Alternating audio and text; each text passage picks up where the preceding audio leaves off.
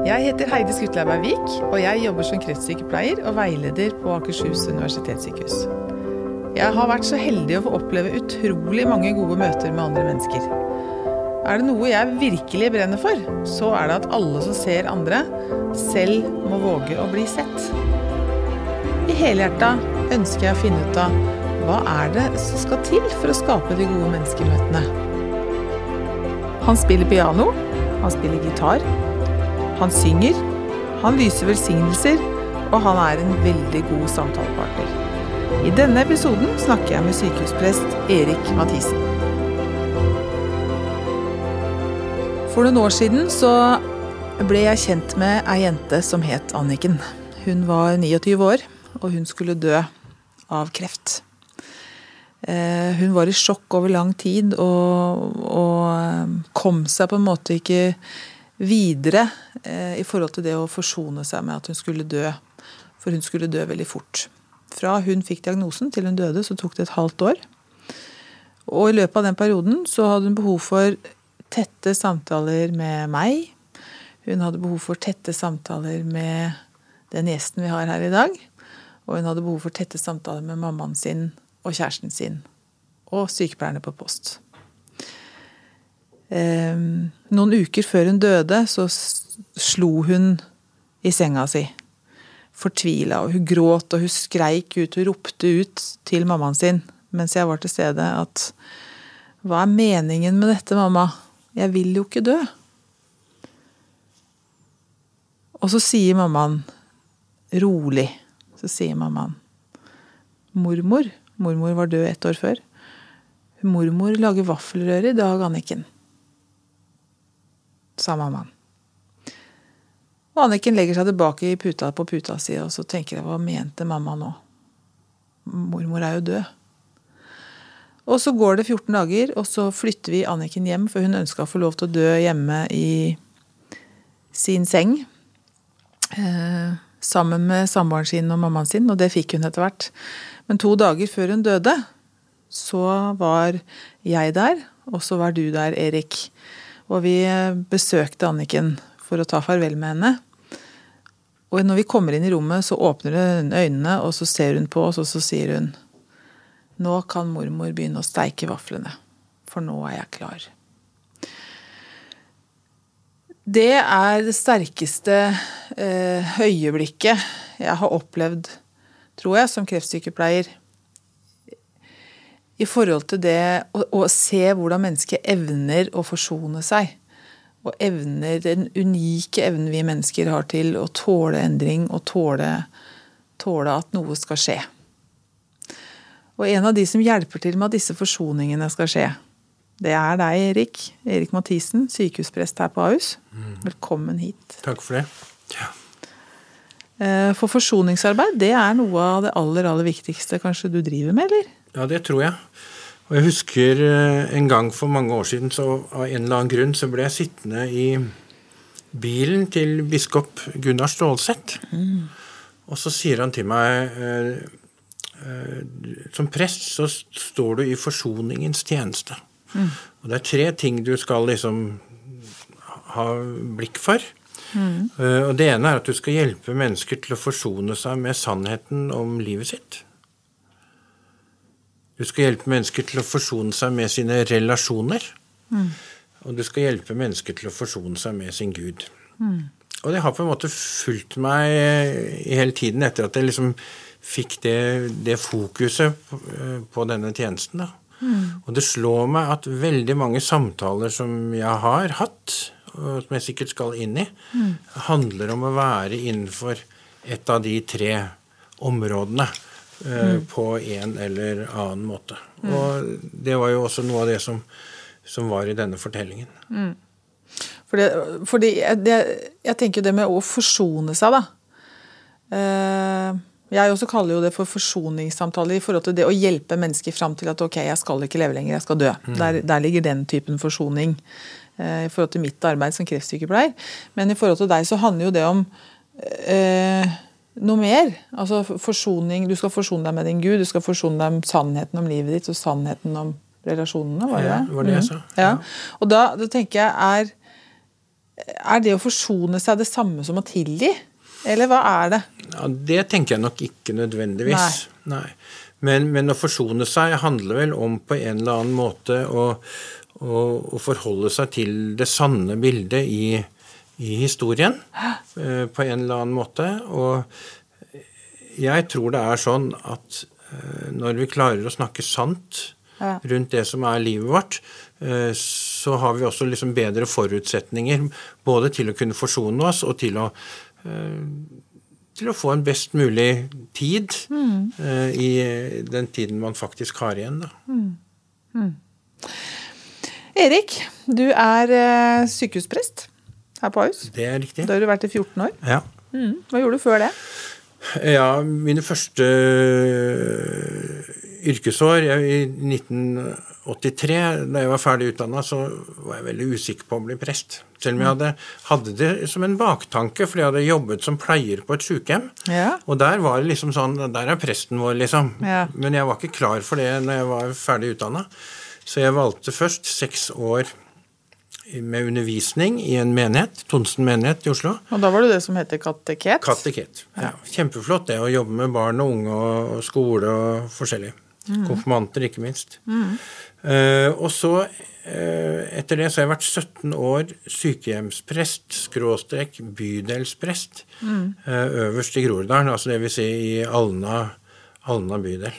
Mm. Og vært veldig, følte veldig meningsfylt å få lov til å være prest, ikke minst på sykehjemmene. Mm. I en, blanding, I en blanding av både å være i, i samtaler med, med, både pårørende og, og, de som bor der, men mm. også få lov til å være litt kulturarbeider. Mm. Uh, samspill med, med, nærmiljø, bydel osv. Så, ja. så der var jeg 17 år. Ja. Um, da var du jo institusjonssjef en stund òg, var du ikke det? Ja, jeg var det halvannet år. Ja. Og jeg også, fikk et morsomt oppdrag å være med å lede deler av Oslo bys tusenårsjubileum. Oi. Som var masse arrangementer da for uh, eh, 20 år tilbake. Ja, mm. Artig. Fordi det er jo det med deg, da. Du, jo, du gjør jo så mye. Ja, altså jeg liker, å, jeg liker å ha mange strenger å spille på. Ja. Og, og, jeg liker, og jeg er ganske bevisst på også, å ha variasjon mm. i, livet mitt. At ikke alt liksom går i det samme sporet hele tiden. Mm. Hva er det du gjør da? Nei, hvis du tenker på sånn litt utenfor, mm. så, så har jeg hund. Mm. Som heter Dylan, oppkalt etter en uh, nobelprisvinner og visesanger. Ja. så da blir det jo litt turer med han, f.eks. Uh, jeg har veldig stor glede av å synge kor. Ja, på Lørenskog så har vi Sankt Laurentius-koret, som er et kor med over 100 stykker. Så det er jo bare morsomt å være med på. Ja. Og faktisk senere i dag så skal jeg på, ta pianotime. Ja. Så jeg, jeg, har spilt piano hele livet, men nå har vi liksom begynt med noe som heter jazz. Oi, og det er liksom litt mer en litt ny sjanger. Ja. Eh, men det er langt fram til det er jazz. Men, men det er noen friske akkorder, og, ja. og det låter ikke så verst. Så moro. Ja. For det, det, er jo, det, er jo, tilbake til Vi skal jo komme tilbake til jobben din som sykehusprest, men noe av det du bruker Du bruker litt tid på faktisk å være litt sånn kulturarbeider ja, eh, her på huset òg. Ja. For i Glassgata så kan plutselig det stå et flygel der, ja. og da er det presten vår som sitter der og synger og spiller. For eksempel. Det har jeg vært med på. Det er deg. Og, og jeg liker å ha med meg gitaren Jeg kan godt ha med meg en gitar mm. inn i et pasientmøte. Mm. Og vi kan sitte og synge 'Jeg tok min nystemte sitar i hende', hvis det nå mm. var en, mm. en trogen bergenser som var der. Ja. Eh, eller andre ting som på en mm. måte passer inn i situasjonen. Eller det kan være en, en uh, salme, eller Ja, vi har veldig stort spekter på det. Ja. Du har jo mange viser òg. Sånn ikke-kristne viser ja, visst, du har synget for uh... ja. Og jeg har også en veldig spennende erfaring ved at jeg har vært med å lage en sang med en ja. pasient. Ja. Så vi satte oss ned med gitar og papir. Eller papir hadde vi ikke, vi hadde PC. Eh, og vi skrev en sang, og den ble på over 20 vers. Ja, fantastisk. Så det ble på en måte eh, en, fortellingen til pasienten, eh, samtidig som det hele veien var på en måte temaer som vi, vi samtalte om eh, på ulik måte. Men hvor liksom metodikken var knyttet til sangen vi lagde. Fantastisk. Tenk å ha en sånn Og det er der jeg tenker noe av Hva er forskjellen på en sykehusprest og en menighetsprest ute, ute i kirkene? Hva, altså, hva er det som gjør at sykehusprester eh, ofte er litt annerledes? Og hva er annerledes? Jeg vet ikke, Hadde jeg vært menighetsprest, så hadde jeg jobbet mye mer med organisering av arrangementer, vært i samspill med bydel og andre lag og på en måte Det er en mye videre eh, type stilling. Eh, som sykehusprest så opplever jeg at jeg er veldig fort veldig tett på. Ikke sant? Rett inn i, eh, på grunnfjellet, på en måte, i menneskers liv. Og, og um, få lov til å lytte til historier, få lov til å, å gå litt sammen med. Men tror du det at du kommer så, du så fort rett på, tror du det er, er, det noe med, handler det noe om forventningene som er til deg? At altså, de vet at det kommer, nå kommer sykehuspressen, og da skal vi snakke om livet mitt? Og min tro, ja. eller sånn? Eller er det fordi at du rett og slett er godt trent på å komme ganske direkte inn, og rett inn på essensen av hva man ønsker og trenger å snakke om? Det, vet du hva, det kan være veldig forskjellig. Mm. For når jeg, når jeg liksom tenker gjennom de ulike situasjonene jeg har vært i, så er det, er det mange samtaler som på en måte eh, i første omgang handler om å bygge opp eh, trygghet og tillit. eh, Sånn at liksom forutsetningen for å, for å ha fortrolige samtaler eh, blir til stede. Mens, mens i andre sammenhenger eh, så kan det være rett på. Med veldig klare, klare bestillinger. Og jeg husker en gang jeg var i en samtale hvor jeg var blitt bedt om å komme og ha nattvær. Og så tenkte jeg jeg må jo liksom bli, bli litt bedre kjent med vedkommende først. Og så ser hun på meg, litt sånn, ikke akkurat sint, men litt oppgitt, og så sier hun 'skal vi ikke komme i gang snart'? Ja. Ikke sant? Så hun ventet, var ikke interessert i, i, i denne myke starten. Hun ville eh, at vi skulle gjøre det som var bestemt. Det som var greia. Ja. Jeg, jeg kjenner deg jo godt, fordi at vi har jobba tett, eh, ganske tett i perioder. eh, Gjennom alle disse 14 årene siden du begynte her. Eh, Og det er veldig sjelden å se deg i sånn presteskjorte. Ja, det er liksom ikke Det er ikke noen vanlig kutyme på sykehuset å, å bruke presteskjorte. Den, jeg bruker det i de sammenhengene hvor jeg skal inn i helt spesifikke roller. Ja. Når da? Hva er det? Ja, eksempel hvis jeg skal ha en vigsel, for eksempel. Ja. Eller jeg skal ha en, en båreandakt, eller mer sånn definerte ting. Mm. Da, da kan jeg bruke det. Men, men uh... Når du skal, når du skal ut og bestillingen er en nattverd, da? Ja, Til et døende er- menneske, da, kom, da har du det ikke? Det er litt begge deler. Ja. Det er litt begge deler. Ja. når, du, når du kommer ut, er det mange Er det mest de som er eh, Som kaller seg selv for troende, eh, som spør etter deg? Eller er det like mange av de som kaller seg ikke-troende, som spør etter deg? Ja, det er nok eh, jevnt fordelt. Eh, og jeg opplever også veldig mange som sier det at eh, Vet du hva, jeg har ikke noe sterk tro, men, men, men jeg har en barnetro. Og den, den holder jeg på en måte fast ved. Og så tar vi utgangspunktet på en måte mm. i den, og hva det kan, kan være. Ja. Er det mange som ønsker å bli bedt for når de skal dø? Eller når de er i en krise eller Ja, alvorlig altså jeg- syke eller Jeg prøver å lodde det litt i selve samtalen, om det er ønske om det. Og, og da har jeg ofte litt forskjellige tilnærminger til det, avhengig av hvordan jeg liksom tolker samtalen. Sånn at noen ganger så kan jeg spørre, hvis jeg skal gå litt forsiktig fram, så spør jeg vil du at jeg skal tenne et lys for deg i sykehuskirken. Ikke sant? Det er det forsiktige. Uh, og så, har, så kan det endre karakter til at vi har en ren forbønnshandling i rommet. Um, hva, hva, Det må du forklare for de som ikke vet hva det er. Da ja, setter da, du deg ned og ber da, for da, den. da ber vi genuint inn i den situasjonen som er. Eh, Og vi kan også be for familien rundt. Vi kan be for eh, personalet som står i dette. Mm. At de tar gode valg, og at på en måte Mm. eh, Ja, det blir så godt som det, det kan være, da. Og så er det, er det en annen ting også, og det er at um, jeg spør, hvis vi nå har hatt, hatt en forbundshandling, eller i en samtale, så kan jeg spørre vil du at jeg skal lyse velsignelsen over deg. Mm. Og det er det mange som ønsker.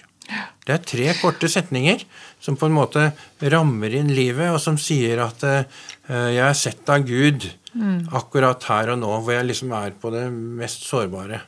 Og, og i noen sammenhenger uh, så er det det siste ordet det en pasient hører før det er over. Kan du si det i kort, eller kan man ikke si det hvis ikke det er en seremoni? Jo, det kan vi godt.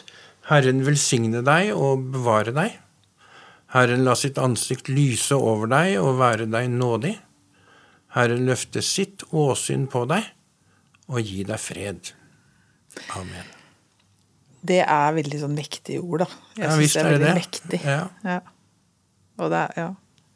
Og jeg har noen ganger tenkt selv uh, at uh, når det gjelder mitt eget liv, at uh, i den grad man kan regulere sånt, så kunne jeg godt tenke meg at det kunne være det siste jeg hørte. Mm også når den tiden kommer. Mm. Hm. Er det mange som eh, liksom vil bli frelst når de skal er på slutten? Det opplever jeg ikke. Nei. Det opplever jeg ikke. Nei, det opplever ikke jeg, jeg opplever at, at de, de, aller fleste er på en måte der de eh, har vært. Mm. Ja. Og, og, på en måte eh, bekrefter bekrefter det. Mm. Ja. ja. det er jeg enig i. Men jeg, jeg syns nok kanskje at det er flere som tyr til eventuell barnetro, eller som folder hendene sine av og til og ber i tilfelle det er noen der. Ja. Det syns jeg jeg hører pasienter si mer om. Og så tenker jeg at vi, vi, skal være flinke til å, til å oppvurdere uh, hva barnetro er. For noen liksom ja. marginalisere det og liksom gjøre det til, til, um, til nesten ikke noe. Mm. Men det er det ikke. Er? Det er liksom Det er, det er et, et, slags form for ankerfeste mm. som gir trygghet, og som gir en form for tilhørighet. Mm. Ikke sant? For det sier noe om hvor jeg dypest sett eh, hører til og hører hjemme. Mm. Og det, det, det, trenger vi å holde fast ved mm. i sånne sårbare situasjoner. Mm. Det er noe med den ensomheten som veldig mange kan kjenne på. Også når man, selv om man har mange mennesker rundt seg, så kan man føle seg ensom ja, i en situasjon. Ja, ja. Og det, og, og det tenker jeg jo i rent sånn eksistensiell forstand. Så, så, er det å dø ensomt i den forstand at det, det gjelder jo bare deg. Mm. Og det er bare du som skal gå over denne terskelen. Mm. Mm. Og så er det kanskje godt å ha folk rundt seg, men, men til syvende og sist så mm. er det noe som gjelder egentlig bare meg. Men, men Erik, du blir jo ikke bare henta ut til de som bare er i triste leieting, for det tenker man jo aller mest om en prest på sykehus. Ja. At det er liksom det er, jo, det er, jo, selvfølgelig eh, ved død og begravelser og sånn, og så er det jo og vi har jo vært i mangt et bryllup sammen, du og jeg. Jeg, ja, ja. jeg har vært vitne, og du, du, har vært prest. Ja, da, og vi har vielser stadig vekk. Ja, det har vi oppe på posten her nå også. Og det, og det, har du gjort mye av. Og da er det jo egentlig Det er jo en gledelig hendelse, men det er jo i en litt trist setting. Gjerne mm, i en mm. sånn palliativ setting. Og så har du jo dødfødslene. Men gjør du noe som er, eh, er hyggelig, er, som ikke er trist? I bånd? Ja, som ikke er trist i bånd. Altså, en ting som jeg gjør, da, som, eh, det er at på denne palliative sengeposten vi har, mm. så står det et piano. Ja. Ja. Og jeg syns det er rett og slett veldig flott å bare sette meg ned ved det pianoet og spille noen av disse nye enkle jazzlåtene som jeg har lært meg. Ja. Eller en julesang, eller hva som helst. Uh, og, så, og, så, kommer det folk fram, mm. og så blir folk stående, og så kjenner du på en måte at musikken uh, senker skuldrene litt. Mm.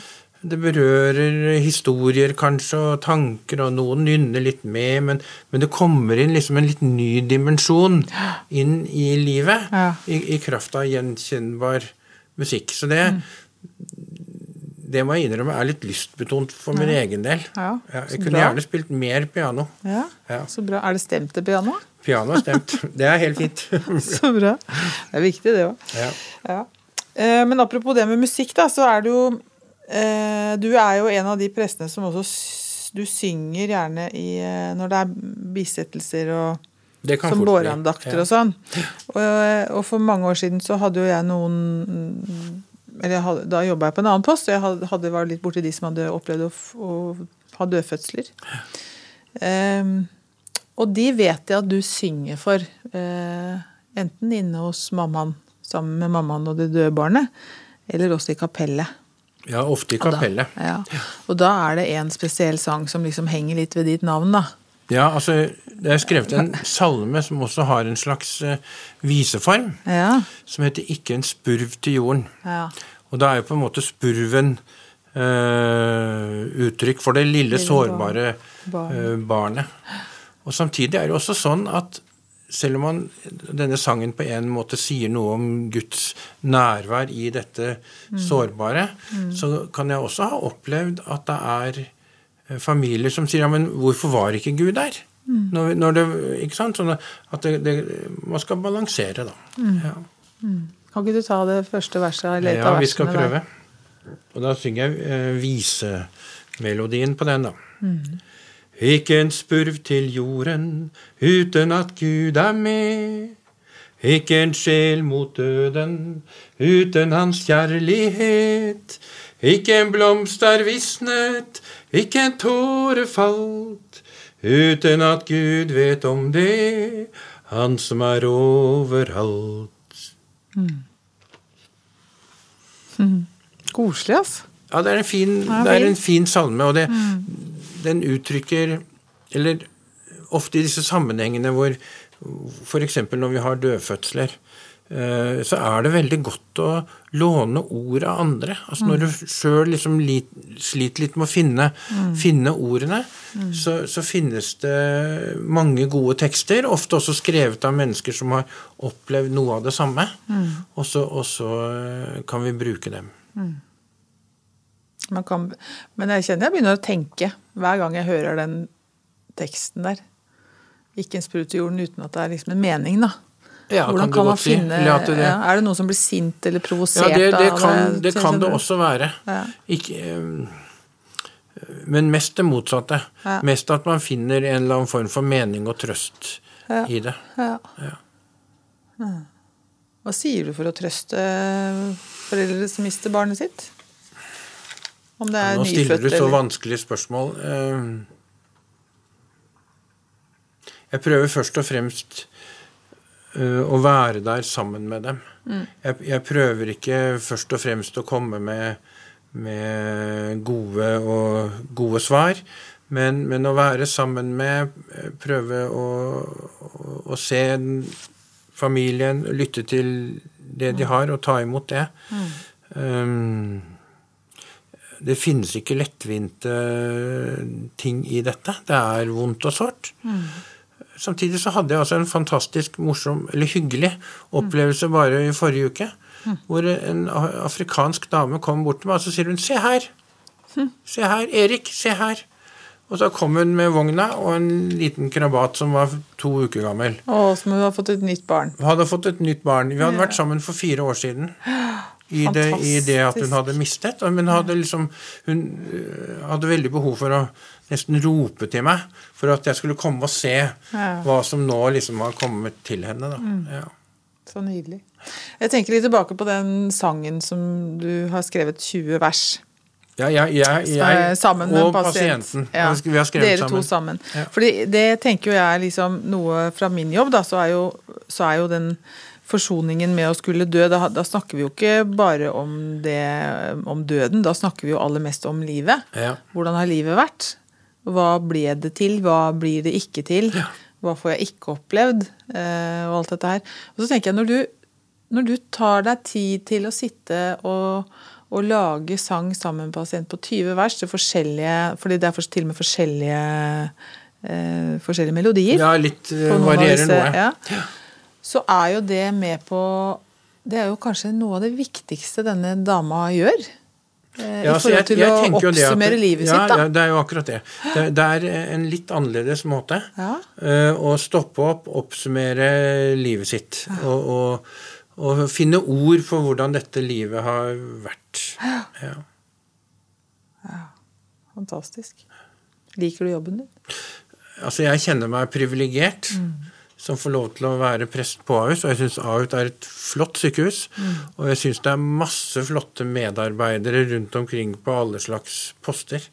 Så det er, hvis jeg skal bruke et kirkelig begrep, eh, så er det en velsignelse. Å få lov til å, å ha livet sitt og arbeidet sitt inn i så meningsfylte og flotte sammenhenger som jeg får lov til. Og så er det også sånn at man tenker liksom at som prest så er jeg her, og så skal jeg gi noe inn i en situasjon. Mm. Men veldig ofte er det motsatt. Veldig ofte er det sånn at når jeg går ut av det rommet, så kjenner jeg meg beriket av det møtet jeg har, og det på en måte pasientene eller familiene har gitt, og som jeg liksom har fått lov til å være med på, og som jeg har tatt med meg videre. Så det er jo bare å være takknemlig for. Ja. Ja, det kjenner jeg for sånn gjenklang i Ja. hjertet. Det er noe med de sterke menneskemøtene. Ja. Jeg satt ved en seng, og så var det ikke mange dagene igjen, det skjønte jeg, og så sier pasienten eh, Du, prest, eh, kan jeg få lov til å gjøre noe for deg? Ja. Jeg skjønte jo ikke hva hun mente. Jeg var liksom litt spent på det. Og så sier hun Kan jeg få lov til å pusse brillene dine? og det, det, det fikk hun. ja. Og, og, og en veldig sånn annerledes type opplevelse, altså. Å få lov til å være med på det. Så fint. Ja. Et lite øyeblikk som ja. så, så fint innhold. Gylne øyeblikk. Mm. Det, er mange, det, er mange, det er mange av de, men det er noe med å huske de og ta de med seg. Legge ja. merke til at nå skjedde det, og så ta det med seg. Vi har jo noe annet som, eh, som jeg er vant til at eh, vi er så heldige at du kom på besøk til oss på Palliativt senter. Mm. Og det er jo virkelig noe å anbefale. Det er noe som heter hvilepuls. Vil du fortelle litt om det? Ja, øh, en gang i uken på palliativ sengepost, men vi har det med litt forskjellig rytme over hele, store, mange avdelinger på sykehuset. Mm. Så har vi en liten stund hvor vi eh, setter oss ned rundt eh, et bord, hvor vi spiller litt musikk som gjør at vi roer oss ned, og så tenner vi tre lys. Og det ene lyset det tenner vi for å minnes de som er døde siden sist. Så tenner vi et lys nummer to, og det tenner vi for de som vi skal møte i dag, eller de som vi skal møte de nærmeste dagene, og som vi liksom enda ikke har blitt kjent med. Eh, og så det tredje lyset, det tenner vi jo for oss selv, altså for, for eh, personalet på avdelingen. Så har vi forskjellige ord rundt det. Og så har vi gjerne litt, en litt sånn oppsummerende samtale etterpå. Litt knyttet opp til om det er liksom ting som ligger litt i luften, eller som noen har lyst til å fortelle, eller historier, eller Det kan ha litt forskjellig karakter fra, fra gang til gang. Men, men det er ment som det som tittelen er, altså hvilepuls. Det er å, å å ta en liten timeout, som det heter i håndballspråket. Det er å, å ikke gå for, så fort fram. Det er å stoppe opp ved noen av de tingene man har vært i, og kanskje, kanskje sette ord på noe av det i et fellesskap med andre. Og så, når det er over, så er det over. Så venter oppgavene. venter verden. Da venter verden. Ja. ja. Det er, det er, veldig det er veldig fint å kunne gjøre det. Og nødvendig, tenker jeg også. For å, for å liksom Hvis man tenker at en skal være i dette arbeidet over tid, ikke liksom bare et halvt år eller et år, men sånn som vi som har liksom vært der i 14 år, så må du ha noen sånne verktøy som du uh, bruker. Ja. ja. Og, det, og du er jo litt opptatt av, for du holder jo også mye foredrag. Du holder jo ikke bare prekener. Du holder Nei, mye lite, det er lite prekener. Ja. Men, men øh, Du er en, du er en ettertrakta foredragsholder, og, det, og, du hold, du, og du snakker jo også om det hvordan ta vare, hvordan ta vare på hjelperen, eller hva, hva ja, kaller Ja, det har nå vært der. Og så har jeg snakket en del om arbeidsglede. Ja. Og kilden til det Jeg har snakket mye om den flerkulturelle ja. pasienten. Og vi har hatt noe som øh, heter øh, mot til relasjon. Og møtes i møte. Så det, det er sånne typer temaer som, som jeg gjerne har undervisning i. og som Det er liksom flere forhold med det. For én ting er å undervise. Men det er også sånn at det gir meg variasjon i arbeidsdagen min. Og jeg møter de ansatte på en annen måte. Og det er fint. For det, det, det, jeg trenger den variasjonen, og de utfordrende, ikke minst, som undervisning gir. Ja. Mm. Og så har du med deg en sånn et perspektiv som ikke vi andre har med oss, som er innmari viktig. Det kan hende. Ja. Ja, det er veldig viktig.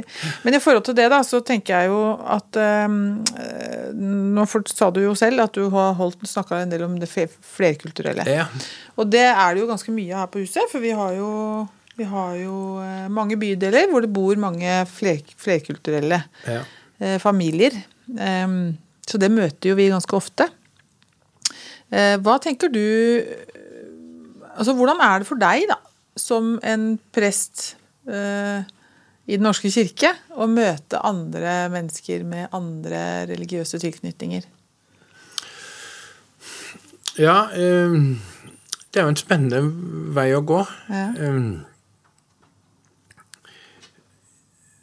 Det er, det er et veldig mangfold i, i det flerkulturelle eh, bildet. Og i noen sammenhenger eh, så kan det godt være sånn at jeg som eh, prest i Den norske kirke har eh, samtaler med muslimer. Eh, og det er fordi at for mange muslimer er det å snakke med sine egne, altså imamene f.eks., knyttet til en del livsspørsmål, det er litt vanskelig. Eh, Og det er ikke liksom kultur for det. Så i, i så måte så kan det være enklere for en muslim å snakke, snakke med en person som meg. Eh, På den annen side så er det sånn at eh, sykehuset har avtaler med Oslo, Oslo universitetssykehus, eh, hvor vi har tilgang til samtalepartnere fra veldig mange ulike tros- og livssynssamfunn. Ja. Sånn at vi er veldig raske på, når vi liksom skjønner at dette er ikke mitt bord, så, så bringer vi frem Ønsker du å snakke med en imam? Ønsker du å snakke med en katolsk prest? Kanskje til og med en polsk katolsk prest? Mm. Ønsker du å, å snakke med, med representanter fra, fra mm, hindumiljøer eller fra, fra buddhistmiljøet, eller hva, hva det måtte være? Og så prøver vi på en måte å knytte de relasjonene. Da har dere de kontaktene, liksom? Vi har de kontaktene. Men jeg, vår erfaring er at dette det er en fin ordning vi har, men den brukes altfor lite. Ja. Og det er en blanding av at det, at det er vanskelig å få gjort den kjent. Eh, Vi kan også oppleve at mye personale rundt omkring, selv om ordningen liksom er presentert, så er det mange som ikke vet om den og bringer den ja. på en måte på bane. Så at det, er, det er en utfordring å bruke den mer enn vi faktisk gjør. Ja. Den, den kan godt brukes mer. Men er det, har det også noe med at veldig mange av de som er muslimer, de har ofte sin egen imam som de kontakter selv? Det kan det godt være. Eller men, andre- men det, det er litt todelt, for at en del muslimer er knyttet til sine menigheter. Ja. Og da har de det. Ja. Men så er det også noen muslimer som på en måte beveger seg eh, ja, Hva skal vi kalle det da? Sekulære muslimer. Og som ikke Hva er det for noe? Det er muslimer som liksom har vært oppvokst i en sekulær kultur, men som ikke tar del i liksom trosdelen Ja. av det. Ja. Eh, og mm, de er ikke så på en måte de, de spør ikke så spesifikt etter en imam, men de spør etter en med kanskje mer med muslimsk bakgrunn. Er det, er det mest Hvis man ikke er eh, kristen, er det mest muslimer vi har her på huset? Det tror jeg nok. Ja. Det tror jeg nok. Og så er det jo sånn at det er, det er en veldig stor andel katolikker. ja. Og det som er fint, er at uh, det er en egen katolsk sykehusprest for hele for Oslo-området. ja. Sånn at det er veldig lett å få tak i han. Så han, han ambulerer til Han ambulerer på mm. hovedsykehusene i Oslo og kommer gjerne til oss. Og også kan spesifikt skaffe eh, katolske patere fra ulike land Oi. hvis det er, eh, er ønskelig. Ja. Og det, det har vi hatt noen veldig fine erfaringer med. F.eks. knyttet til eh, polske eh, patere som da kommer, som behersker det polske språket. ikke sant? Ja. Så flott. Hm. Um, det- du, dere har jo mye samtaler. Eh, Du opplever mange gode menneskemøter. Er det mest med pasienter, eller, har du, eller det regner jeg med, men har du også gode møter med pårørende? Ja, absolutt. Mm. Og, og, vi kommer jo like gjerne til pårørende som vi kommer til pasienter. Mm. Og det kan jo også i tillegg til det være at vi har samtaler med ansatte ja. som, uh, kunne, som, trenger det. Mm. Jeg tenker eh, Dere har jo et ord. Eh, prestene og diakonene har et eh, fag, eget fag, som heter sjelesorg. Ja. Eh, og jeg, jeg sjøl er jo utdanna veileder, og jeg lurer på egentlig, Jeg har alltid lurt litt på også. Jeg hadde en, best, en morfar som var lærer i sjelesorg på Fjellhaug skoler. Ja, ja. Ja. Men jeg fikk liksom ikke aldri helt sånn taket på hva er forskjellen på sjelesorg og en god samtale. Hva er forskjellen? Nei, hva er forskjellen? Altså, For det første så finnes det massevis av definisjoner ja. på hva sjelesorg er. Og det er liksom variert fra uh, teologiske retninger og fra de ulike tidsepokene. Uh, jeg tenker at sjelesorg på en måte uh, er å være en type medvandrer. Mm. Man går et stykke vei sammen med. Eh, men det handler også om altså, at man har en, en, åpenhet for eh, det som handler om tro og de eksistensielle uh, spørsmål. Ikke sant? At det er ikke mm. fremmed i, i en sjelesorgsamtale. Det er til og med sånn at vi kan tenke at, at tro er, kan være en ressurs Mm. I møte med sykdom og de, de livsprøvelsene mm. som man blir eh, utsatt for. Mm. Og da, da, er det jo fint om vi på en eller annen måte kan, kan bidra til å holde dette uh, oppe. Mm. Så sjelesorg er egentlig det du, du starta med litt sånn Det er forsoningens tjeneste? Ja, De tre det, punktene. det kan vi jo godt, si. Forholde seg til livet og ja. seg sjøl og sannheten og ja. sin Gud ja, på, det, det, dekker jo på en måte mye av, mm. av det som skjer i en sjelesørgerisk samtale. Mm. Samtidig så ikke sant, Nå er det liksom litt store ord. uh, men jeg hadde jo også en samtale med en dame uh, hvor hennes bekymring egentlig først og fremst var Hvem tar seg av katten ja. når jeg er her? Ja. Ikke sant, For det er ingen som ser til katta mi. Og den skal ha mat, og den skal liksom Ikke sant? Ja. Og, og, og da, var vi, da var det det som var sjelesorgen. Og, og, og, romme på en måte den fortvilelsen og prøve å finne en eller annen løsning mm. på det, sånn at hun kunne senke skuldrene og katta mm. var i gode hender. Ja. Det er, det er viktig. Det er viktig. Så det, det, det, det kan være mm. store spenn ja. i disse samtalene. Mm. Ja, for så har du også disse samtalene som jeg tenker er ganske tøffe, da. Uh, som er veldig tøffe, som kan gå mer på uh, Eh, nå er jo ikke jeg prest, overhodet ikke, men jeg, jeg, kjenner, eh, jeg, jeg, kjenner, at jeg er ekstremt opptatt av, og jeg holder mye foredrag om det òg, det å ha en ikke-dømmende holdning til andre menneskers livsvalg. Mm, mm. For jeg tenker at det er eh, Det, det gagner ingen at vi skal gå rundt og dømme hverandre. Nei. Vi må heller være nysgjerrige på hverandre. Ja, ja. Men det betyr jo heller ikke at at vi skal på en måte som medmennesker eller som hjelpere eh, si at alt er greit. Eh, ja, det, jeg tenker det handler litt om å være nysgjerrig. da. Hva var det som skjedde? Hvorfor tok du det og det valget? Mm. Og, da, og, jeg tenker at det, det kan jo være Jeg har vært borti samtaler med, med mennesker som har vært, eh, hatt behov for å snakke om sin pedofili. Hvor jeg f.eks.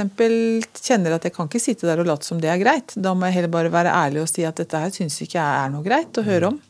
Men jeg skal være her og containe og snakke med deg. Eh, og så må du på en måte velge hva du vil gjøre med det sjøl. Om du vil tilgi deg sjøl eller altså Det handler vel kanskje noe om det du snakker om, forsoningens tjeneste. Det ja, og, og, og sannheten om sitt eget liv. Altså det, det, som er en utfordring også, synes jeg, på sykehuset, det er at det er veldig stor gjennomstrømming av pasienter. Ja. Så det kan fort være at den samtalen vi fikk, mm. var den eneste samtalen. Mm. Det er ikke liksom sånn at det, altså Noen ganger er det jo det, mm. men, men i store hele så er det relativt få samtaler mm. som en på en måte blir gitt fordi at pasienten blir utskrevet eller flyttet til annet altså, mm. det, det skjer mye sånt. Sånn at, at, mange av disse samtalene har også klare begrensninger mm. for hva som er mulig liksom å Ja, det er ikke sikkert at man kan hjelpe alltid. Nei. Men jeg tenker, hvis man har behov for å, for å få lov til å fortelle til noen som kan tegne, da, Ja. så er vel det ofte en prest som har den rollen, tenker Ja, jeg. det er det. Eller, eller vi som jobber helt til slutten Ja, av livet. Eh, og så er det noe med at vi skal verken dømme eller ikke dømme det. Altså det å være nøytral, en nøytral samtalepartner. Mm. Hva tenker du om det? Hva, hva tenker du om det? Jeg vet jo at du har hatt noen som har fortalt om andre ting de har gjort i livet som ikke er bra. og det... Ja, jeg har øh, vært i samtaler med, med mennesker som har tatt liv, knyttet til krigshandlinger. Um, som kanskje det mest utfordrende som jeg har, har stått i. Uh, Og hvor jeg jo tenker at, at min oppgave er å lytte til den historien. Ja, ja. Og, og um, i noen sammenhenger så kan det være at de, de ber om tilgivelse. Altså at man- i kirkelig kontekst har noe som kalles et skriftemål, Ja. som jo liksom har den, den formen at man, man legger noen ting eh, fram, Ja. og så ønsker man eh, Guds tilgivelse, som da presten kan formidle. Ja. Så det kan skje. Det Da kan du skje. formidle en, en tilgivelse. Ja, og da kan jeg avslutte med den velsignelsen som jeg leste eh, tidligere i dag. Ja. Og det ville du gjort uansett hva de sa. Dette er så vanskelig å, mm. å svare på. Det er vanskelig. Ja. Og det, det er vel eh, en, Når en kommer opp i sånne øh, vanskelige situasjoner en, Et sånt råd som jeg fikk en gang, det var at eh, når du ikke vet hva du skal si, så, så er det nettopp det du skal gjøre. Mm, Du skal på en måte holde holde, holde igjen. og, og, Bare være og, stede. og da er det på en måte bare ting som skjer i rommet, i, i stillheten og i, i relasjonen uh, mellom oss, eh, som, som virker på en måte uten at det er en strøm av ord som er i det. Den produktive stillheten. Ja, det heter kanskje det. Ja. Den er fin. Da du var eh, 18 år, ja. Så var du ung og har hele verden lå for dine føtter. ja. Hadde du, hvis du skulle gitt et eh, råd til eh, deg selv da du var 18 år, hva skulle det vært? ja. Jeg, jeg gjorde en feil. Gjorde du feil? Ja, det tenker jeg sånn i etterkant. Altså, det er, de fleste ting angrer jeg ikke på. Men, men akkurat eh, der sånn så gjorde jeg en tabbe. Fordi at jeg hadde ikke tid til å gå på folkehøyskole. Det gjorde flere i min familie, og det hadde kjempeår. Ja. Men jeg hadde ikke tid, for at jeg skulle være produktiv og flink gutt og bruke kortest mulig tid på alt jeg gjorde, ikke sant? og storme gjennom livet. Ja. Det skjønte jeg var feil etterpå. Og når jeg ser liksom hva disse andre i familien min har hatt av gleder og holder på enda møte folk som de Holder på sammen- folkehøyskolen. Ja, og noen gifta seg, og det var mye rart som skjedde på folkehøyskole. Men så at det, rådet er jo på en måte å vet du hva, Dropp sånne tanker. Tenk, du har tid til, til det du har lyst til. Og, mm, og bruk de mulighetene. Gå på folkehøyskole. Ja, det var noe Overført betydning. Det var noe det som Ja. gjaldt ja. eh, ja, ser eh, meg, da. Ja. Mm, veldig bra. Ehm, du har jo sagt litt om at når, du, eh, når det blir for eh, Eller når du avreagerer, så gjør du det ofte med at du går tur med bikkja, du synger og sånn. Ja. Men, men hender det at det kan bli litt for mye for deg, på en måte? Ja, det, det, det hender. Og og det, det som er litt fint da, det er at én, jeg har jo ofte gode kolleger som skjønner at det blir for mye for meg, og som sier 'Erik, nå, nå hjelper vi deg til å sette noen, noen grenser'. For at noe av problemet er at du liksom hele tiden vil være på offensiven og sier ja og ja og ja, og, så, og, så, og så blir det for mye av det. Sånn at eh, Det er den siden av det. Mm. Fordi det er jo noe med det, Erik, og det må jeg bare si når jeg først tar det her, at eh, du er jo en fyr som alle vil snakke med. Eh, om det er både om det er ansatte, eller om det er pasienter eller pårørende, så ønsker man å snakke med deg. Ja. Hva er hemmeligheten bak det, tror du? Nei, men eh, jeg vet ikke. Men, men det har, har kanskje noe med, med tilgjengelighet å gjøre. Og, og jeg liker på en måte å være litt synlig. Mm. Sånn at når jeg går i glassgata og folk kjenner meg, eh, så at de kan liksom ta tak i meg og si morgen og hei, og så kan vi, kan vi ha en liten prat sånn. Du er god på å se folk, da. Ja, jeg håper det. Ja, Jeg håper det. du er det. Du er god på å se folk. Ja. Hvis du skulle gitt et helhjerta råd eller en helhjerta hilsen til lytterne Ja, det kan jeg gjerne gjøre. Da, da skal jeg dele en erfaring eh, knyttet til at jeg for tre år siden eh, var på sånn Grete Rode-kurs. Ja. Ja. Det var på Lørenskog stasjon, og da skulle vi gå ned masse kilo. Og da lærte jeg Grete Rodes slagord for å slanke seg. ja. Ja, og det syns jeg er helt genialt, uten at jeg skal drive reklame for henne. Fordi at det var lettere sammen. Lettere sammen. Lettere sammen, sa Grete Rode. Og det har jeg tenkt mer og mer på i mange ulike livssammenhenger eh, som en er i. At jeg tror det er sånn med alt. At ting blir lettere mm. når vi er sammen om det. Ikke sant? Enten det er i, i hverdagen, eller det er de, de, de store vanskelige tingene, eller hva det måtte være. Så å ha det som en, liksom en slags overskrift, det vil jeg gjerne gi. Så bra. Lettere sammen. Lettere sammen. Og så sa du en ting når vi snakka sammen før eh, tidligere her. Så sa du, så, sa du at eh, du sa en setning på fransk som jeg synes høres så veldig fint ut. da. Sa jeg det? Ja. Var det apropos? Nei. Nei.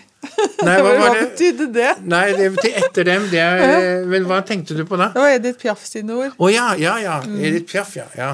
Nei, det er noe helt annet. Hun sier 'je ne jeg', sier hun. Ja, ja, Jeg angrer intet. ja. Ja. Det var også sant for deg, sa du. ja, det er sant for meg i den forstand at eh, at eh, de valgene jeg har tatt, altså Mm. hvordan livet mitt, yrkeslivet mitt har vært osv., Mm. det,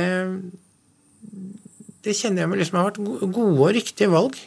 Altså, og og i, i sin tid. Mm. Sånn at, Og igjen, altså det at jeg har fått lov til å ha de siste 14 årene her, har vært en, en viktig del av det. Hvis du skulle beskrive mm, hvordan hva det viktigste med jobben din er som sykehusprest, Erik, eller sånn noe av det viktigste i møte med mennesker. Kan du si noe om det? Jeg har funnet et dikt som eh, jeg er blitt veldig glad i, og som på en måte beskriver veldig godt, syns jeg, eh, de livshistoriene og de møtene jeg som sykehusprest ofte er oppe i.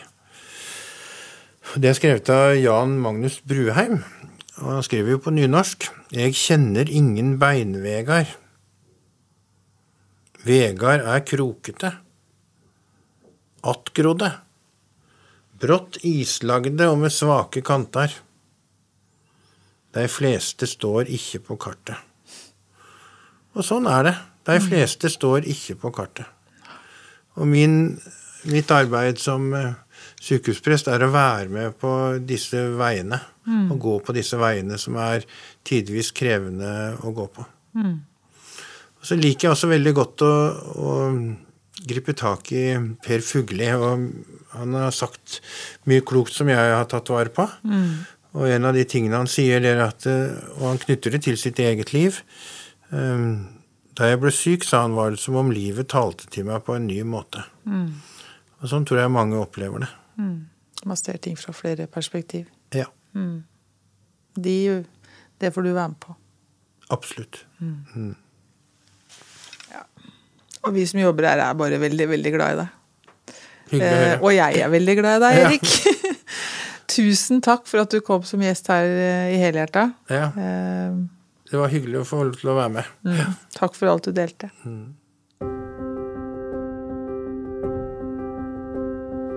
Helhjerta er en podkast fra Kompetansebroen. En digital plattform for samhandling og kompetansedeling i helsetjenesten. Personer som blir omtalt i pasienthistorier, er enten anonymisert eller har gitt samtykke til deling.